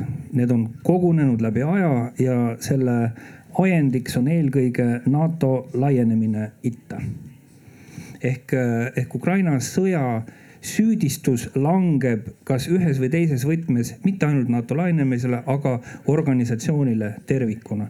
ja, ja sellest johtuvalt äh, hiinlased ei võta väga suurt vahendaja rolli, ütlevad, et nende huvides on äh rahu kehtestamine Nad äh, teevad seda omal kombel, äh, mis tahes Hiina eripäradega. Äh, ja see tegelikkuses ei paista mitte kusagilt välja ja, ja kõige suurem konflikt Hiina jaoks muu maailmaga ongi see nende suhtumine, see, see nende noh, pool eitav suhtumine sellesse, mis toimub. Ehk jällegi arvestades Hiina rolli Äh, maailma mastaabis oodatakse neilt ikkagi teistsugust käitumist, alates käitumisest ÜRO Julgeolekunõukogus, kus selliseid küsimusi, mis puudutavad maailma rahu, ei peaks üks äh, Julgeolekunõukogu alaline liige äh, erapooletult käsitlema või siis selle vastu hääletama ja äh, sa osutasid väga huvitavale siuksele isegi kergelt paradoksaalse või skisofreenilisele olukorrale. et Venemaa agressiooni Ukraina suunal nähakse siukse ajaloolises kontekstis äh, Pekingist äh,. no see on kindlasti ainult üks dimensioon, aga ma arvan, et Pekingi vaates üpris oluline dimensioon, sest et, sest et ajaloolist sellist lääne agressiooni ju nähakse Pekingis ühe nagu põhilise probleemina, üheksateistkümnes sajand, oopiumisõjad, eks ole. ja see läheb mõnes mõttes sinna NATO laienemiseni välja, eks ole, seda nähakse nagu ühe sellise loogilise jadana, eks ole, et lääs tungib peale. mis teeb sellest olukorrast paradoksaalne, paradoksaalse on see, et tegelikult Venemaa oli ka ju koloniaalriik, kes, eks ole, kes, kes kehtestas Hiina põhjaterritooriumitel oma võimu ja nii edasi, eks ole, aga seda ühendust hiinlaste peas praegu ära ei tehta no tegelikult kõige skisofreenilisem minu meelest on, on see äh, neljanda veebruari dokumendis toodud lause, mis ütleb, et ühe riigi julgeolekut ei saa tagada teiste riikide arvelt. ja hiinlased kasutavad seda praegu just nimelt äh, Ukraina sõja kontekstis, kusjuures äh, hiinlaste suu läbi kõlab see nii, et et Venemaaga ei arvestatud piisavalt ja prooviti Ukraina julgeolekut tagada Venemaa arvelt, kusjuures, et kui seda pilti pöörata teistpidi ja öelda, et kuulge, aga praegu toimub ju vastupidine, et vaadake. Äh, Venemaa tagab enda julgeolekut puhtalt Ukraina arvelt, siis see jääb hiinlaste jaoks mõistmatuks ma arvan, et äh, silmas tuleb neljanda veebruari dokumendi puhul pidada seda, et seda on siiski kirjutanud kaks riiki. seal on selged elemendid, mis on venelaste poolt sisse kirjutatud nagu see, eks ju, et NATO laienemise vastasus ja, ja nii edasi, see sobitub tegelikult väga hästi sellesse Hiina maailma, mida ta näeb nii-öelda Ühendriikide mõju laienemise, äh, laienemisele vastu olemisel. see on otsene seos nende arvamises aga ma soovitan lugeda seda neljanda veebruari teksti eh, ka teise nurga alt. Ja minu arvates see, mis seal on hästi pikalt kirjutatud sellest, mida üks demokraatia endast kujutab. Vot selle ma olen sada protsenti veendunud, kirjutasid eh, Hiina sulesepad. Ja sealt, kui osata lugeda seda, peegeldub see maailm, kus Hiina tahab, kuhu tahab meid viia tulevikus. aga üks moment, mis äh, sa sellest ajaloolisest perspektiivist ütled, siis me noh, seda on miljon korda korrutatud, aga tuleb äh, meelde tuletada, et kui Kissinger äh, Hiinat nii-öelda isolatsioonist hakkas välja tooma seitsmekümnendate alguses, siis Zhou Enlai, eks ju, tuletas talle meelde, et, et kuidas siis Hiina jälgib maailma sündmusi ja ütles, et kui Kissinger küsis, et no kuidas te hindate, eks ju, Prantsuse revolutsiooni tulemusi, siis tuntud vastus, eks ju, et liiga vähe aega on mööda läinud selleks, et midagi nagu põhjapanevat öelda. ehk siis ka tegelikult see, et kui me seda nagu projitseerime ümber teise, sellele mõtteviisile, et, et Vene impeerium on ju kogu aeg olnud ekspansionistlik ja, ja, ja on mingid alad, noh nagu Putingi Peetri järglasena tahab öelda, et Narva ja kogu nii-öelda Ukraina ja kõik muu kuulub ikkagi Venemaale. siis võib peegelduda see Pekingis see arusaamine, et aga neil võib-olla äkki ongi legitiimne õigus oma tahet ja. peale suruda muuseas, ma ütlen vahele, annan sulle kohe sõna ka, et eh, sellest eh, Zhou Enlai ja eh, Kissingeri kohtumisest on ka teine versioon, et ajalooline tõlgendus sellele, et, et see oli tegelikult tõlkeviga. et Hiina tõlk andis mõista, et tegemist on Prantsuse revolutsiooniga kaheksateistkümnenda sajandi lõpus, aga tegelikult, mida silmas peeti, oli siis, oli siis tuhande üheksasaja neljakümne kaheksanda aasta tudengite mässu Pariisis, oli nelikümmend kaheksa vist, eks ole. et ja, et seda said nagu hiinlased aru, et tegemist on ühesõnaga noh, nii vähe, mõnedkümmend aastat möödas, eks ole, nüüd praegu ei ole veel mõtet seda. aga see ei pruugi ka, see võib olla täielik anekdoot, et ühesõnaga, et see ei pruugi tõele vastata. seda ei ole võimalik ilmselt kontrollida. muide, ka selles samas neljanda veebruari äh, dokumendis toodud see lõpmatu armastuse klausel. ka selle kohta on hiinlased öelnud, et see oli tõlkeviga ja see, selle mõte on tegelikult teistsugune. no üks suur hämamine käib. Äh, Marina, sa tahtsid vahele öelda? ma tahtsin äh, nii palju veel kommenteerida, et kui Andres ütles, et Euroopa asjade tundjaid on Hiinas vähe. et Euroopaga tegelevad paljud, aga noh, asjast saavad aru vähesed või noh, enam, enam-vähem niimoodi sa ütlesid. ma tahan võib-olla seda natuke pehmendada, aga mina ütlen seda nüüd läbi endise diplomaadi ja endise suursaadiku prisma, et tegelikult saatkond, eh, Hiina saatkond Eestis on alati olnud väga visa, väga pealetükkiv väga eesmärgipärane. teate nagu noh, ma, ma ei tea, kas siin Hiina saatkond kuulab praegu, ma vabandan juba ette, aga ma olen poliitik, ma võin öelda, mis ma tahan. teate nagu nõiaudu, et viskad aknast välja, ta tuleb ukse alt sisse, viskad ukse, uksest. jah, tuleb aknast sisse, et selline, selline visadus, pealekäimine, pealepää käimine, pealekäimine. kas, kas see ei ole mitte diplomaadi töö? Äh, mõned teevad seda taktitundelisemalt, mõned teevad seda noh, niimoodi väga sirgjooneliselt. lõunasöökidele kutsumine, sõprade leidmine leidmine. ma saan aru, te saite hiljuti kirja, kus teid õnnitleti uue valitsuse moodustamise puhul ja loodeti, kuidas see koalitsioon hakkab nüüd äh, arendama äh, Euroopa Liidu ja Hiina suhteid. Et noh, nad võtavad igast sellest kinni ja jälle tulevad ja tuletavad meelde. et äh, isegi mina ütleksin, et nad töötavad intensiivsemalt kui Vene saatkond. ma peaks ütlema, mina seda õnnitluskirja pole näinud, küll aga olen saanud ähvarduskirja ja ähvarduskiri oli mõned nädalad tagasi, et Eesti poole on liikumas mingisugune Taiwan'i delegatsioon, jumala pärast, ärge nendega kohtuge. Et äh, noh, eks äh, tegelikult äh, päris tõsiselt öeldes kõik, mis on seotud Taiwan'iga nagu sa mainisid, see on absoluutne prioriteet ja seda nad ei lase mitte ühelgi viisil läbi sõrmede. Taiwan'i küsimus tegelikult saab kena silla ehitada nüüd kliimaküsimuseni. Hiina on ühes teises formaadis need kaks asja omavahel sidunud. Öeldes, et meie teiega koostööd ei tee, ükskõik mis teemal, äh, kliima nende hulgas, kuniks te ei jäta rahule Hiina siseasju nii-öelda. Äh, äh, Taiwan nende hulgas, Xinjiang, eks ole, Ida-Türkestan nii-öelda. et mis nüüd praegu meie need valikud on, mulle tundub, et on, on head või tähendab, on halvad ja väga halvad valikud, et kliimaküsimust nagu niisama eirata ei saa lihtsalt sellepärast, et see asi läheb halvaks kätte. samas keegi Taiwanit müüma ei hakka, eks ole, turu peal kuidas, kas on kuskilt mingisugust lootuskiirt, et kuidas seda asja arutama hakata? Äh, küsimus kõigile no ma võiks öelda, et vaatame siin, kus, mis me põgeneme päikese eest, eks ju, et ja, ja ma arvan, et see, see muutub üha kiiremaks, see, see meie tegevus äh, selle, selle kohutava kliimamuutusega, mis tulemas on. Äh, ja ma ei näe mitte kusagil, ma ei tea vaielge vastu või, või nõustuge, aga ma ei näe kusagil, et see globaalne koostöö niipea taastuks viisil, mis. mitte enne, kui see sõda on läbi, eks ole, see ei, ei ole, ei tule ei, kõne alla äh, ma, ma nüüd julgen teha ennustuse ja ma loodan, et see on täiesti vale ennustus. aga ma kardan, et me oleme väga pika, väga keerulise, sõdaderohke ajastu äh, sees sest eh, muutumas on maailmakord või vähemalt on katseid tehakse maailmakorra muutmiseks, seesama Hiina poolt, Venemaa poolt. ja, ja siin on, eh, kuna teatud seltskonnal on eetris, noh silme eest on must, kui me vaatame, mida siin Medvedev endale lubab ja, ja noh, rääkimata muudest tegelastest. siis, siis tähelepanu, et me suudaksime siis sellel samal ÜRO või muul tasandil keskenduda kliimateemadele viisil, mis nad tegelikult mingitki mõju avaldaksid globaalselt, ma ei kujuta ette. no neid asju saab, neid asju saab ajada ikkagi siis, kui mõlemad pooled seda tahavad. ja põhiline probleem täna ongi see, et, et kõik teemad Hiinas on sisuliselt politiseeritud ehk eh, meie jaoks on see võib-olla natukene võõrastav, noh jällegi me võime vaadata, ma ei tea, kaubavahetust näiteks see, mis toimus Leeduga. Äh, äh, ehk puhtpoliitilistel põhjustel keerati ju sisuliselt kogu kaubavahetus Hiina ja Leedu vahel kinni, kusjuures hiinlased väidavad, et seda ei ole tehtud, vaid see on lihtsalt ettevõtjate enda vaba tahe. Noh, me kõik teame, et, et see nii ei ole.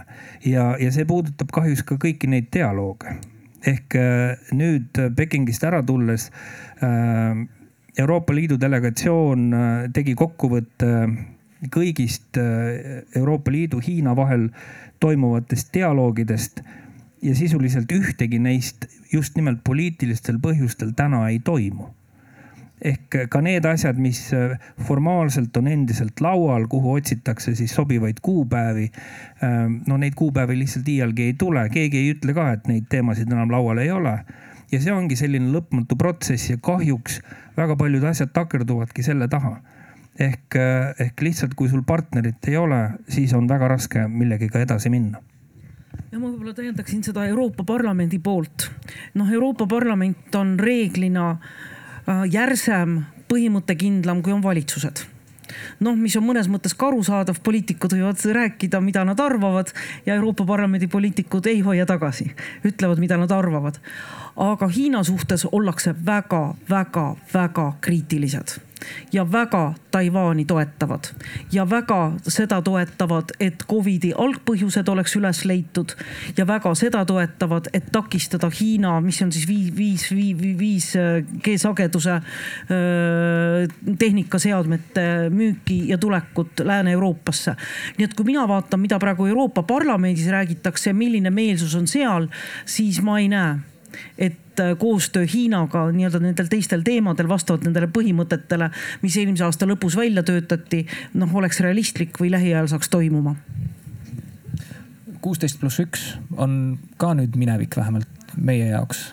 kuidas, kuidas see nüüd äh, mis mõtteid see Pekingis tekitab, ei tea? kõik vaatame välisministeeriumi ametniku poole, kes hakkab seda poliitikat ellu viima. no välisministeeriumi ametnik õnneks lahkus riigist ennem kui otsus vastu võeti aga no sellel on vaieldamatult äh, pikk ajalugu ja ilmselt Marko poliitikuna saab seda palju äh, lahtisemalt kommenteerida kui mina, aga, aga mina võin äh, Eesti Vabariigi kodanikuna öelda, et mul on siiralt hea meel, et minu valitsus sellise otsuse langetas jah, me, Andres, tead, et oleme sellel teemal väga pikalt rääkinud ja jumal tänatud, jumal tänatud, et aastaid rääkinud, et aeg oleks lahkuda sellest kentsakast formaadist. jah, tõesti kümmekond aastat tagasi olukord oligi teine.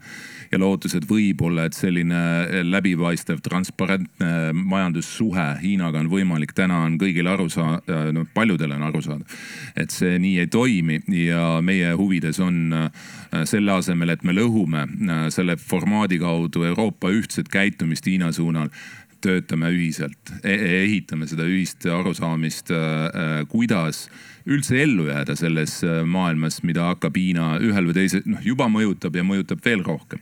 ja siin on ülioluline muidugi nii Euroopa Liidu tasand kui see, et, et me töötaksime koos oma liitlastega Põhja-Ameerikas, Ühendriikidega ennekõike, et loomaks uut no mitte ainult vabakaubandusvälja, vaid veelgi olulisem on, et me suudaksime kehtestada ühtsed standardid uute tehnoloogiate, eriti tehisintellekti puudutavates küsimustes.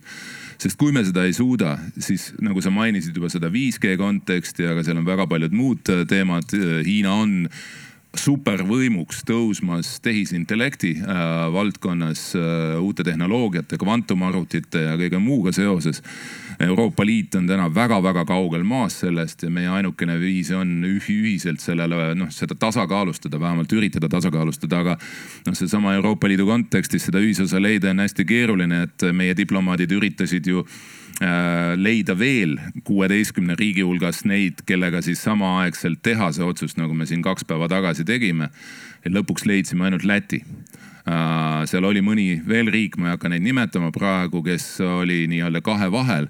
aga see oli oluline samm, nüüd on kolm riiki on sealt lahkunud, rahvusvaheline meedia on seda tähelepanu tõstnud, meie käest küsitakse, mida see endaga kaasa toob, vaatan, kuidas Hiina on reageerinud, tegelikult Hiina on öelnud no seda oli ammugi ette teada ja mingit, ma ei usu, et mingeid selliseid väga järske järeldusi sellest tehakse, sest Leedu kontekstis oli lisaks sellest formaadist lahkumisele oli ikkagi olulisem Hiina ärritav tegur oli Taiwan'i esinduse loomine Taiwan'i nime all. Meie aeg tiksub armutult ja, ja tahaks hakata otsi kokku tõmbama, aga viimaseks küsimuseks ma küsin teie käest sellise üldise küsimuse äh,, väga keerulise küsimuse. Hiina on korduvalt öelnud, et nad tahavad suuremat äh, tükki sellest maailmakorra pirukast nii-öelda. Nad tahavad laua taha rohkem, et see, see pärast teist maailmasõda äh, paika pandud eelkõige Ameerika Ühendriikide poolt äh, maailmakord, nii finantsiline kui ka poliitiline, eks ole. et see neid ei rahulda kui me vaatame praegu, kuidas see trend, eks ole, läheb ja, ja üha ja, ja see ka Ukraina konflikt praegu ikkagi mängib suuresti Hiina kasuks, eks ole, Hiina võim suureneb maailmas. Mis hetkel ja, ja kas üldse on mõtet mõelda selle peale, et, et okei okay,, et meil on mingisugused põhimõtted, millest me ei tagane loomulikult, aga püüame seda maailmakorda siis teha selliseks, nagu Peking tahab mingil hetkel võime avastada ennast sellises olukorras, kus meil lihtsalt ei ole enam seda võimu, et, et neid ühe laua taha kutsuda, et need meid, meile hakatakse dikteerima seda. Äh, me ei tea loomulikult seda, kas see nii läheb. Aga kas, kas keegi kuskil mingil tasandil mõtleb selle peale, et, et ehk tõe, tõesti oleks praegu see soodus hetk äh, hakata ümber korraldama maailmakorda? pani mõtlema jah? no Marko, räägi siis, kui sa tead no mul on konkreetne näide lihtsalt jälle päriselust, et äh, Genfis asub üks ÜRO äh, nii-öelda pool peakorterid Euroopas, eks ju, ja seal juba mõned aastad tagasi äh, tuli sama teema jutuks tegelikult ja, ja tõstatas selle üks kauaaegne Rootsi diplomaat, kes seal väga väärilisel positsioonil tollel hetkel oli. Ja, ja tema hinnang oma kogemuse pealt ka muuhulgas ÜRO-s töötades Äh, oli küll see, et, et kui me räägime näiteks inimõiguste valdkonnast või, või, või ka siis nendest nii-öelda väärtusruumi küsimustest, demokraatiast, millest ma enne mainisin neljanda veebruari dokumenti. siis tema hinnang oli, et äh, meil ei ole tõenäoliselt muud võimalust, kui me peame hakkama otsima kompromisse.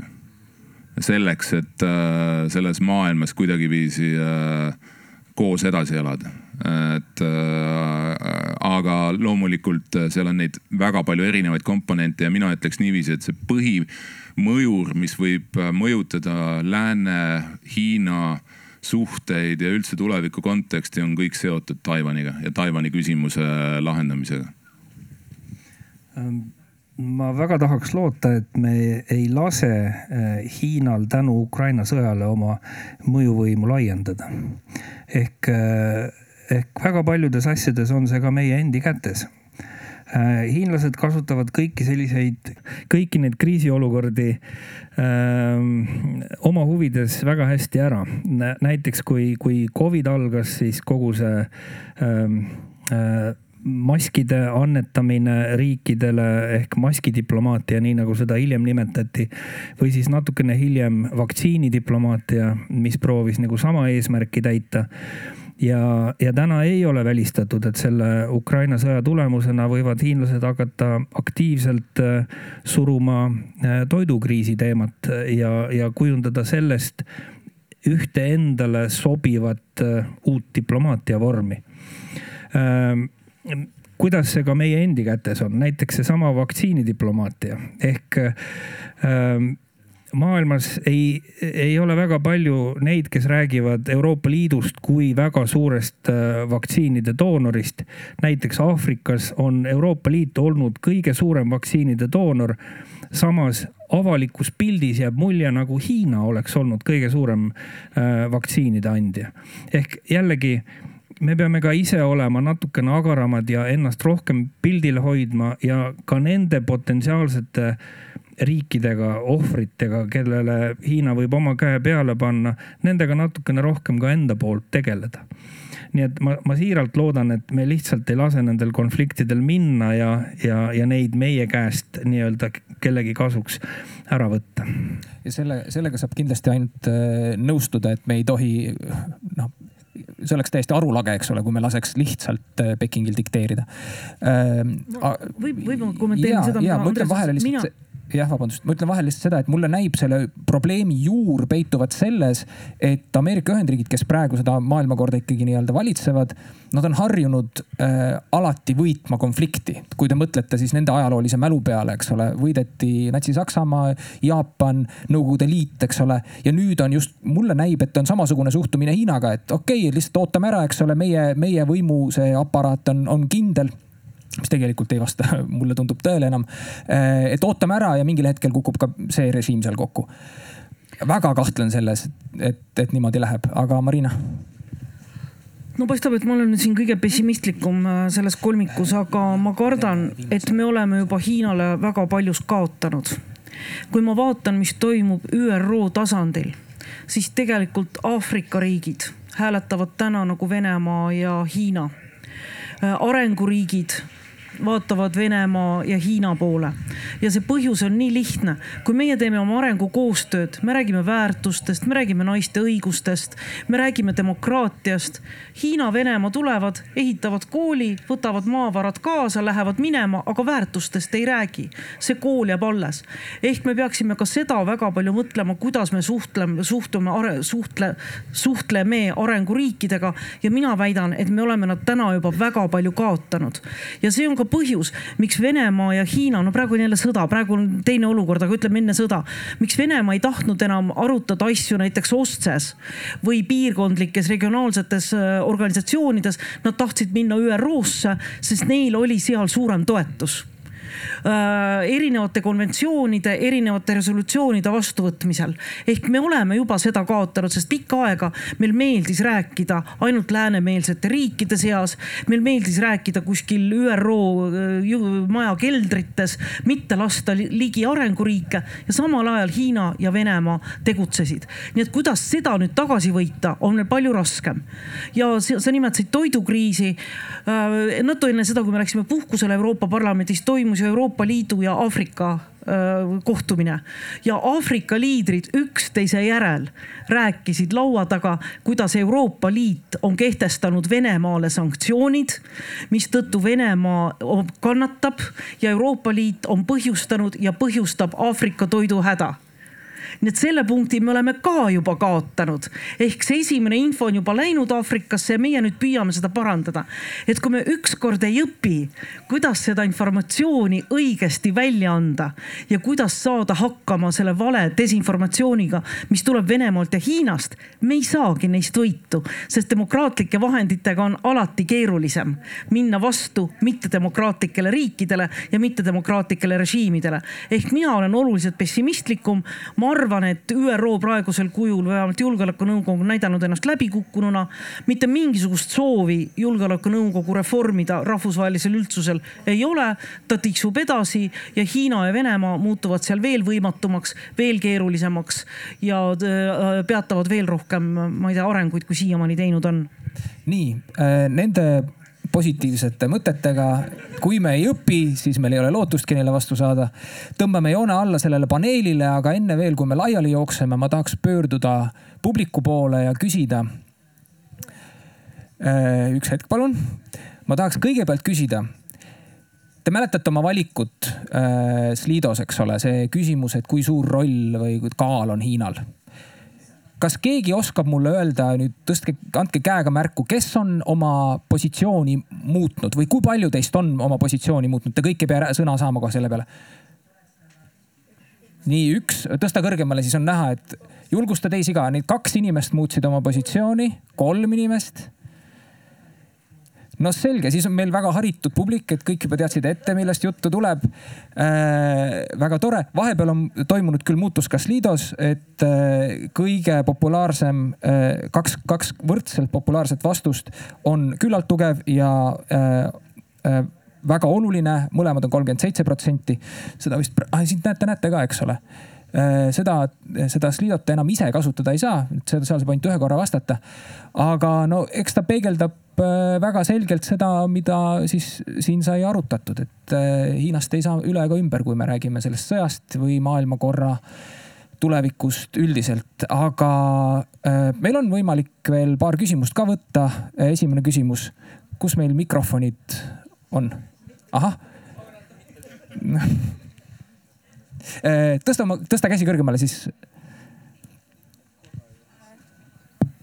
Anniki Mikkelsaar, äh, Euroopa-Aasia õpingute üliõpilane ja äh, minul on selline küsimus, et Hiina sotsiaalmeedias nüüd Eesti otsuse kohta lahkuda kuusteist pluss üks formaadist kirjutati Veibos näiteks, et eestlased ja lätlased, küll nad seda kahetsevad, varsti on neil nälg majas ja ilma Hiinata nad majanduslikult hakkama ei saa sellest tulenevalt minu küsimus on see, et mis need päris mõjud võiksid Eestile nüüd olla pikas perspektiivis.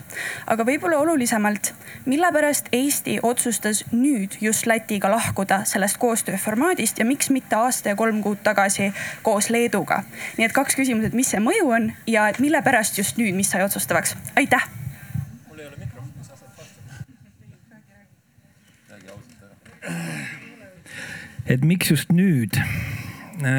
Ma arvan, et äh, tänu sellele, et ametis on uus valitsus ja valitsus kujundas oma poliitilise hoiaku ja, ja nad, valitsus tegi seda just nüüd.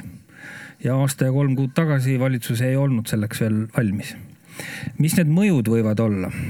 ehk äh, arvestagem seda, et, et kahepoolne kaubavahetus Eesti-Hiina vahel on nõks alla kahe protsendi meie kogu kaubavahetusest ehk äh, sellel mingisugused mõjud saavad olla. Äh, see rahaline hinnang võib liikuda seal kusagil saja viiekümne miljoni euro suuruses äh, aastas, mis võib-olla meie ekspordituludes jääb saamata. aga, aga samal ajal eksport oli, oli langevas trendis nii ehk teisiti. selle aasta esimese kuuga me kaotasime kolmandiku oma ekspordist võrreldes möödunud aastaga ja ilma igasuguste suurte vapustuste või, või loksutustega meie poolt. Ehk äh, ega me päris täpselt ei tea, elame-näeme, aga, aga mina isiklikult julgeksin öelda, et midagi väga hullu ei juhtu, pigem vastupidi Äh, see annab meile võimaluse alustada rahulikult uuesti ja katsuda need suhted normaalsetel kahepoolsetel alustel üles ehitada. ehk suhted sellises veidras formaadis, grupeeringus äh, ei ole kunagi äh, selged ja, ja neil ei ole pikka iga jah, see, ma arvan, et see otsus loomulikult oleks pidanud ammu tegema, aga hea, et see tuli nüüd. ja ma arvan, et see näitab, et meie diplomaatia siiski on suveräänne diplomaatia ja, ja ei ei ole mõjutatud sellest, mida Hiina tahab või ei taha. aga, aga kindlasti on hästi oluline ka Hiina poolega, nii palju kui ma tean, siis saadikule kõik see nii-öelda meie tulevikunägemus sellest, kuidas suhted võiksid või peaksid olema, anti ka edasi, kui see uudis läks, aga, aga selge on see, et, et et ähm, Hiina võime äh, mõjutada mitte ainult meid äh,, vaid ka läänemaailma tuleneb sellest, et läänemaailm ei ole ühtne ja ei taju ühtselt äh, seda ohtu, mida Hiina oma mõju laiendamisega maailmas tegelikult kujutab ma tahaksin kommenteerida lihtsalt, äh, kuidas siis, kuidas Hiina reageerib väikeriigile. kui väike riik teeb midagi sellist, mis Hiinale ei meeldi. ja ma meenutan Dalai-laama visiiti Eestisse, mis oli ka, nüüd juba üle kahekümne, kümne aasta tagasi, mis oli mitteametlik visiit mille jooksul ei olnud mitte ühtegi ametlikku kohtumist presidendiga. ära naera, ametlikku kohtumist ei olnud. Ilves jalutas sisse ühe mõttekoja üritusele. ametlikku, ametlikku kohtumist ministritega ei olnud tulemusena äh, Tartu Ülikooli rektor läks musta nimekirja, põllumajandustoodete sisseostmine peatati päevapealt. ehk see on see, see on see põhimõte, et kui tahad lüüa koera, siis viruta väiksele. kui Dalai-laamat võetakse vastu nii-öelda suurtes lääneriikides, siis seal suhtutakse sellesse palju leebemalt. nii et Hiina valib ikka väga korralikult, kellele virutada ja kuna Eesti on oma laksud juba kätte saanud, siis ma arvan, meie kahepoolne koostöö enam eriti kukkuda ei saa, aga noh, Andrese jutust tuleb välja, et NATO ikka veel kukub. aga me oleme laksud juba kätte saanud aga kui te tahate vaadata nagu, nagu neid äh, reaalseid tulemeid, siis leedulased tegid selle läbi aasta tagasi. ja vaadake, kas Leedu elanikud on väga palju õnnetumad, kui nad olid aasta tagasi üks kiire küsimus veel, kui kellelgi on äh, soovi. kui ei ole, ma lihtsalt seal seal äral. jah, okei okay.. palun väga kiiresti ja Marko siis ka väga kiire vastus on ju. Marko ja tere, Martin olen.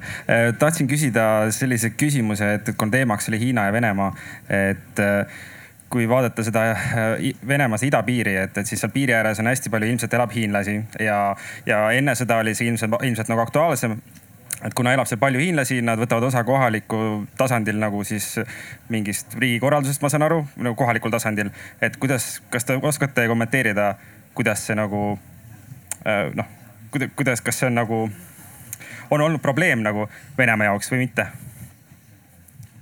No kindla-, kindlasti on probleem, et äh, kui mõelda sellest, et Uuralitest kuni Vladivostokini elab ikkagi mm, suhteliselt väike osa vene, elanikkonnast ja Venemaal elab kokku sada nelikümmend pluss miljonit äh, inimest. Äh, ja Hiinal ainuüksi sellel piiril, mis neil Venemaaga on, neli tuhat kilomeetrit mõne koha pealt siis seal ütleme Kaug-Ida kontekstis on, me räägime sadadest miljonitest. nii et, et need kaalukategooriad juba on, hakkavad mõju avaldama nii või teisiti. kas see tähendab seda, et Hiina vaikselt koloniseerib Venemaad?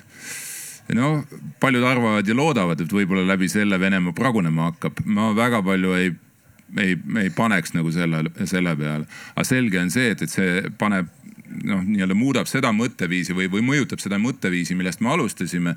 et paljudele Moskvas on ikkagi äh, problemaatiline näha Hiinat sellisena, nagu ta on oma naabrina, nii et äh, kindlasti on ta faktor äh, vähe teada ilmselt fakt, et, et Hiina ajalooõpikutes, kooliõpikutes on see territoorium juba Hiina territooriumina nii-öelda kirjas, et äh, mitte siis tänapäeva, aga nii-öelda ajaloolistes, ajaloolistel kaartidel ja noh, kui kõik lapsed kasvavad üles selle teadmisega, et kunagi on sealt äh, Hiina, et siis miks mitte ka tulevikus. aga nüüd me peame kahjuks joone alla tõmbama. ma loodan, et teile meeldis, meie teile, tähendab teie meile kindlasti meeldis, et me oleme teile liikunud oluliselt lähemale. Äh, ja, ja taas kohtumisteni, aitäh. selge see, et ega kõike teha. puudub laud ja mängida edasi me peame.